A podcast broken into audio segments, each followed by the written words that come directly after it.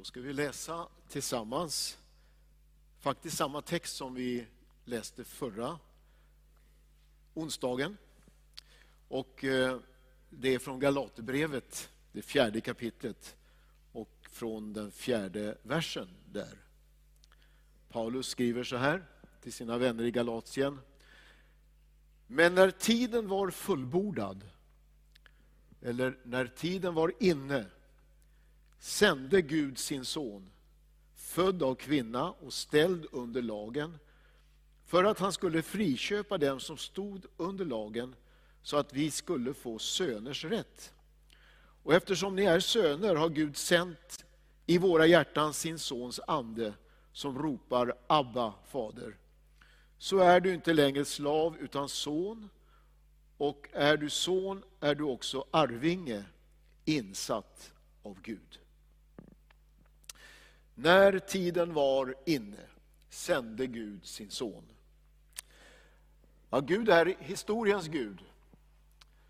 Gud styrs inte utav tillfälligheter eller ödets nycker. Gud är inte beroende utav slumpen på något sätt. Utan Gud är historiens Gud. Han har en plan och den planen den sätter han i verket. Och den planen han har gjort den den är så exakt så att han vet när tiden är inne för olika saker. Gud presenteras i Bibeln som han som var och som är och som kommer. Gud är inte beroende av tid som vi är. Och Jesus Kristus, står det, han är igår, han är idag och han är i evighet. Jesus är den enda som man kan säga om, han är alltså i presens, igår. Han är imorgon i presens. Han är, det är hans namn, jag är. Han finns där.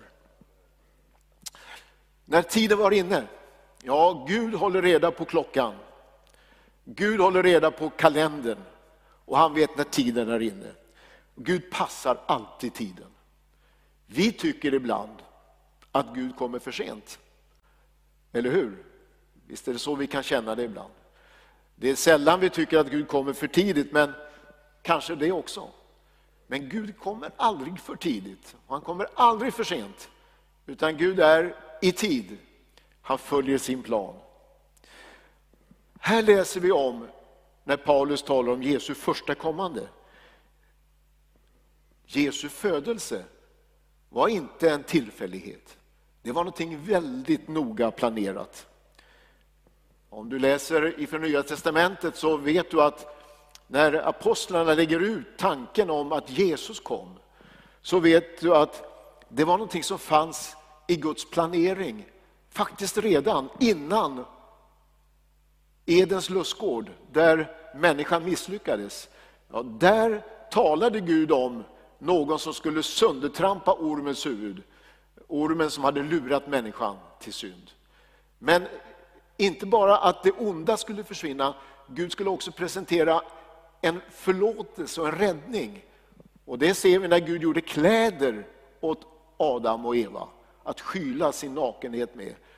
Alltså ett, ett djur var tvungen att ge sitt liv för att de skulle få sin nakenhet gömd. Gud han både skulle en dag ta itu med ondskan och vår fiende, men han skulle också skapa verklig försoning och förlåtelse. Bibeln säger innan världens grund, innan världens grund var lagd hade han utvalt oss. Och i ett annat bibelställe i Kolosserbrevet så står det att det fanns en hemlighet som Gud hade, som genom tider och släktled varit fördold, men nu har uppenbarats. Här är det intressant. Gud hade alltså en hemlighet som han inte berättade egentligen för någon. Men du som läser Gamla Testamentet, du vet att eh, det är svårt att hålla inne med en hemlighet. Speciellt om den är positiv. Så Gud han kan inte hålla inne med sin hemlighet utan han, han, han läcker lite uppgifter till profeterna och den ena profeten efter den andra, Mose, allihopa ger en liten glimt av det som skulle komma. Men den fullständiga bilden, den förstod ingen. Men Gud bar det som en planering i sitt hjärta, en hemlighet i Guds hjärta. Hade, du, hade Jesus samtidigt läst Daniels bok riktigt noga så hade de vetat att tiden närmade sig att Guds Messias skulle komma. Så Gud han, han talade mycket genom sina profeter. Och han gav liksom glimtar av den här planen till profeterna. Det här, det här är ju väldigt spännande och, och intressant. Gud är så strukturerad i sin tidsuppfattning.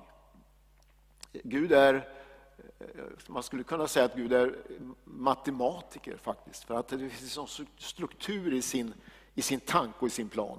Det finns en sån mångfald i skapelsen. Samtidigt finns det en sån struktur och ordning. Du ser det i mikroskopet, i det allra minsta i Guds skapelse. Du ser det också när du blickar ut i universum och försöker fånga in det som är av galaxer och stjärnevärldar. Du ser mångfald men du ser också en väldigt tydlig struktur. I gamla testamentet så gav Gud en struktur när det gäller tiden. Han säger till Israels folk, sex dagar ska du arbeta och den sjunde dagen ska du vila. Det var precis det mönster som vi ser i skapelsen. Gud skapade genom sitt ord, första dagen, andra dagen, ända fram till den sjätte dagen då han skapade människan. Och den sjunde dagen vilade Gud. Och så säger han till folket, det är ett mönster ni ska använda. Sex dagar arbeta, sjunde dagen sabbat. Han gav också folket en, en, en vidare eh, instruktion när det gällde hur de skulle så. Han säger, ni ska, ni ska så era fält och skörda under sex år. Det sjunde året ska vara ett sabbatsår. Då ska ni inte så, du ska inte skörda. Eh, det som ni får det sjätte året, det räcker. Utan då ska ni låta marken vila. Och dessutom finns det ytterligare en sån där eh, struktur när, när Bibeln talar om årsveckor, alltså att eh, sju gånger sju veckor som blir 49. Och sen ett sabbatsår, eller ett, som faktiskt Bibeln säger, ett jubelår. Alltså en period på 50, där det sista året blir en, inte bara att naturen vilar, utan att på något sätt hela samhällsstrukturen återgår till det som var från ursprungligen. Och nu har vi inte tid här, men det här är jättespännande att titta hur ett, ett millennium består alltså av 40 sådana här årsveckor. Och där kan man alltså följa eh, släktleden i Bibeln och se att det finns en, en spännande struktur som avslöjas. Nu står det här, när tiden var inne sände Gud sin son. Om du ger dig tid att läsa i Lukas evangeliet, det tredje kapitlet, så ser du där en, en eh, släkttavla som talar om Jesus. Det börjar med om Jesus. Man menade att han var son till Josef. Eh, ett bra uttryck, för Josef var ju alltså inte pappa, det var ju Gud som var pappa till Jesus. Men man menar att Josef var det. Och så går det igenom ända fram ner till Adam. Så från Jesus till Adam kan du hitta den där släktregistret. Och där står det Adam, son till Gud. Jag tycker det är ett så härligt uttryck. Och där kan jag faktiskt känna att jag kan sätta in mitt eget namn och du också. Allan, son till Gud. Ditt namn, du är son eller dotter till Gud. Det finns ytterligare en sån här berättelse av Jesus släkter. Och den möter vi i Matteus evangelium. Och där går det från Kristus till Abraham. Det är intressant. Du kan alltså följa Jesus, Jesus släkt ända ner till Abraham. Och eh, som avslutning på den släktberättelsen så står det, så är det alltså på det sättet att från Abraham till kung David så är det 14 släktled. Från kung David till exilen så är det 14 släktled. Och från exilen till Kristus så är det 14 släktled. Ser du att det finns struktur och ordning? Eh, det är liksom ingen slump på det som händer utan Gud har en tanke, en fantastisk plan. Och när tiden var inne, då sker det, det som Gud hade planerat och tänkt. Och nu ska vi snart påminna oss om, det är bara en vecka till, till jul, även om vi inte tror det när vi går ute. Eh, men vi ska få påminna oss om det fantastiska som hände när tiden var inne. När det började, röra sig liksom i den andliga världen. Änglar kom i rörelse. Sakarias, Elisabet får änglabesök och Elisabet den ofruktsamma blir havande. Och Johannes döpare, han som skulle bana väg för Jesus, blir till. Strax efteråt så får den unga flickan Maria, en tonåring, kanske i sin tidiga tonår, besök av en ängel. Hon blir rädd förstås, men ängeln säger frukta inte Maria, du har funnit nåd från Gud. Och så säger Maria ja till sin kallelse. Josef, han som skulle få ansvar för Jesus som, som fosterfar, han får änglabesök. Alltså det sker så mycket i, i den andliga världen. Det var mycket i görningen. Tiden var inne. Då säger ju skriften att Jesus, Guds son, skulle födas i Betlehem. Maria och Josef de fanns ju uppe i Galileen. Hur skulle det gå till? Ja, Gud visste på, på, på medel. Han gav kejsaren i Rom en tanke. Som de flesta kejsare och, och presidenter och, och finansministrar brukar ha. Att de skulle skattskriva folket. Men det var faktiskt första gången Rom skattskrev sin stora befolkning. Men han fick den känslan, nu ska vi göra en skattskrivning. Och då hände det sig, vid den tiden står det, att Josef och Maria fick gå uppifrån Galileen ända ner till Betlehem, Guds stad. Och när, när de kom dit var tiden inne för henne att föda. Ser du vilken fantastisk gudomlig planering. Gud som en regissör riktigt styr utvecklingen och när tiden är inne så föds Jesus. Exakt rätt ögonblick i historien. Ingen slump, utan exakt då Gud hade tänkt, då Gud hade velat. Och julnatten är en enda stor proklamation. Hedarna som får höra ära vare Gud i höjden, fred på jorden, frid på jorden till människor till vilka Gud har behag. Första gången vi möter en, vad jag förstår, en stor hop av änglar som uppenbarar sig samtidigt. Vanligtvis är det ju bara en ängel och det räcker ju för att folk ska bli rädda. Nu var det en stor hop där i natten som lovprisade Gud för att Messias hade kommit. Tiden var inne. Jag vill göra en parentes. Gud har också en plan för ditt liv, för mitt liv.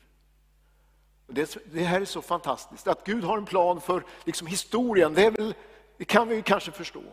Men tänk att Gud har en plan för, för mitt liv och för ditt liv. Våra liv finns inneslutna i Guds planering och omsorg. Psalm 139 säger, det är psalmisten David, han säger alla mina dagar blev uppskrivna i din bok förrän någon av dem hade kommit. Det är svindlande. Tänk att Gud alltså, han är författare av våra liv och han, han tänker en gudomlig vacker tanke om varje människa. Och det var inte bara för David, det är för oss alla. När profeten Jeremia får höra i sitt kallelseögonblick när Gud säger Förrän du föddes Jeremia så hade jag en tanke för dig. Jag hade satt dig till en profet för folket, jag hade avskilt dig. Tänk att det fanns en tanke redan när, när, när, innan Jeremia föddes. Visst är det vackert att veta att Gud har en plan för våra liv. Och Jesus säger vi kan inte ens lägga en enda aln till vår livslängd. Det finns en planering. Möjligtvis kan vi förkorta våra liv genom droger eller genom ohälsosamt, en ohälsosam livsföring. Men tänk vilken trygghet det är, visst är det, att veta att mitt liv är innesluten i Guds hand. Och Det är därför David säger i samma psalm 139, du omsluter mig på alla sidor, du håller mig i din hand. Och du är mig nära, även om det är mörkt, även när det blir jobbigt, så finns du där, Gud. Vilken trygghet att veta att våra liv inte styrs av ödet, inte av andra människor, inte av tillfälligheter. Säg ja till Guds plan för ditt liv, så vet du att Guds vilja kan förverkligas och vara din trygghet. Ja, men säger du, kanske blir, det blir ju nästan en ödestro, det kvittar ju vad jag gör då. Inte alls. Alla människor har sin fria vilja. Du gör precis som du vill. Antingen säger man ja till Guds vilja eller så gör man inte det. Absolut. Vi är alla fria. Men det tryggaste, det lyckligaste, det vackraste, det är att säga ja till Guds plan och vandra tillsammans med honom. Vi har ett lopp, vi också. Vi har en distans. Det är det Paulus faktiskt använder det uttrycket. När han i det sista kapitlet vi har, har av hans penna, det fjärde kapitlet i andra Timoteusbrevet, så säger han, tiden är inne för mig nu att bryta upp. Jag har kämpat den goda kampen. Jag har fullbordat mitt lopp. Jag har bevarat tron. Han, hade, han visste att jag har ett lopp, jag har en distans. Nu har jag fullbordat den, nu har tiden kommit för mig att bryta upp. Så finns det ett uttryck jag läste eh, idag, jag, jag tycker det är så vackert ifrån psalm 31, den 16 versen där det står Min tid, Gud, står i dina händer. Visst är det underbart? Min tid står i dina händer. Slut på parentesen. Tillbaka till Jesus. Han som kom när tiden var inne. När in, tiden var inne kom han. När tiden var inne gick han till Jerusalem för att ge sitt liv. Han visste redan väldigt tidigt, Jesus, att han kom för att gå till korset och ge sitt liv. Och sista kvällen när han är med sina närmaste lärjungar så säger han till dem, nu har stunden kommit. Nu är tiden inne. Nu vet jag vad som väntar. Och så ger han dem sina sista vackra ord och böner och så går han ut till lustgården där han sen fångas, fängslas. Så går han upp mot korset. Pilatus säger till honom när han förhör Jesus, vet du inte, säger han, att jag har makt att frige dig, jag har makt att korsfästa dig. Nej, säger Jesus, du har ingen makt över mig. Ja, det är ingen som tar mitt liv, det är ingen som tog Jesu liv, han gav sitt liv. När tiden var inne så gav Jesus sitt liv på korset och han dör för din och min skull. När tiden var inne uppstod han igen. Efter tre dagar, precis som han hade förutsagt, på tredje dagen så uppstår han. När tiden var inne sänder han den helige ande. Det är så det står i Apostlagärningarna 2. När sedan pingstdagen var inne så hände det. Så sände Gud den helige ande. Och så vet vi att när tiden är inne så kommer han tillbaka. Jesus kommer, han kommer i rätt tid. Jesus, det ligger framför oss, han kommer tillbaka. Och det finns en tid, det finns ett ögonblick förutbestämt. Jesus säger till sina lärjungar, det är inte er sak att veta vilka tider eller stunder som Fadern i sin makt har fastställt. Men den heliga Ande ska komma över er och ni ska få kraft att bli mina vittnen. Det finns tider, det finns stunder, det finns fastställda tider. Och en dag har Gud bestämt, Jesus kommer tillbaka. Nu har vi inte tid att prata om det, men det är en fantastisk framtidsvision att veta att Jesus kommer.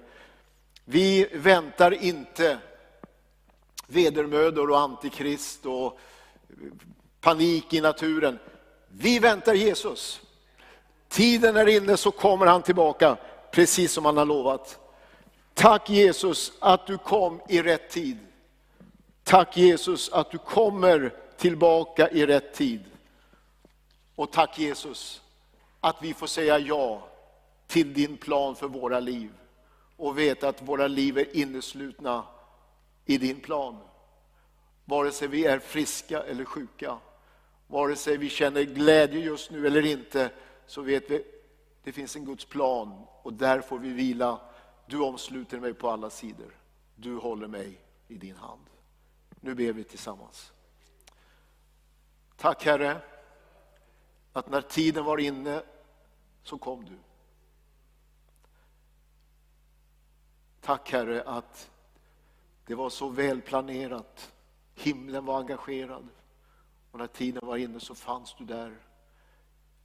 Du kom så oväntat som ett litet barn. Ingen hade förstått, ingen kunde ana. Men du kom. Halleluja, jag tackar dig Jesus. Tack att vi får se fram emot mot den dag då du kommer tillbaka. Och just nu Herre så ber vi att vi ska få leva i din vilja med våra liv. Vi ber om den helige Andes kraft över oss så att vi kan fullgöra vår uppgift. Att vi kan fullborda vår distans, vårt lopp på ett väl sätt. Att vi kan bevara vår tro. Så att när tiden är inne för oss att bryta upp, att du kan säga väl gjort, du gode och trogne tjänare.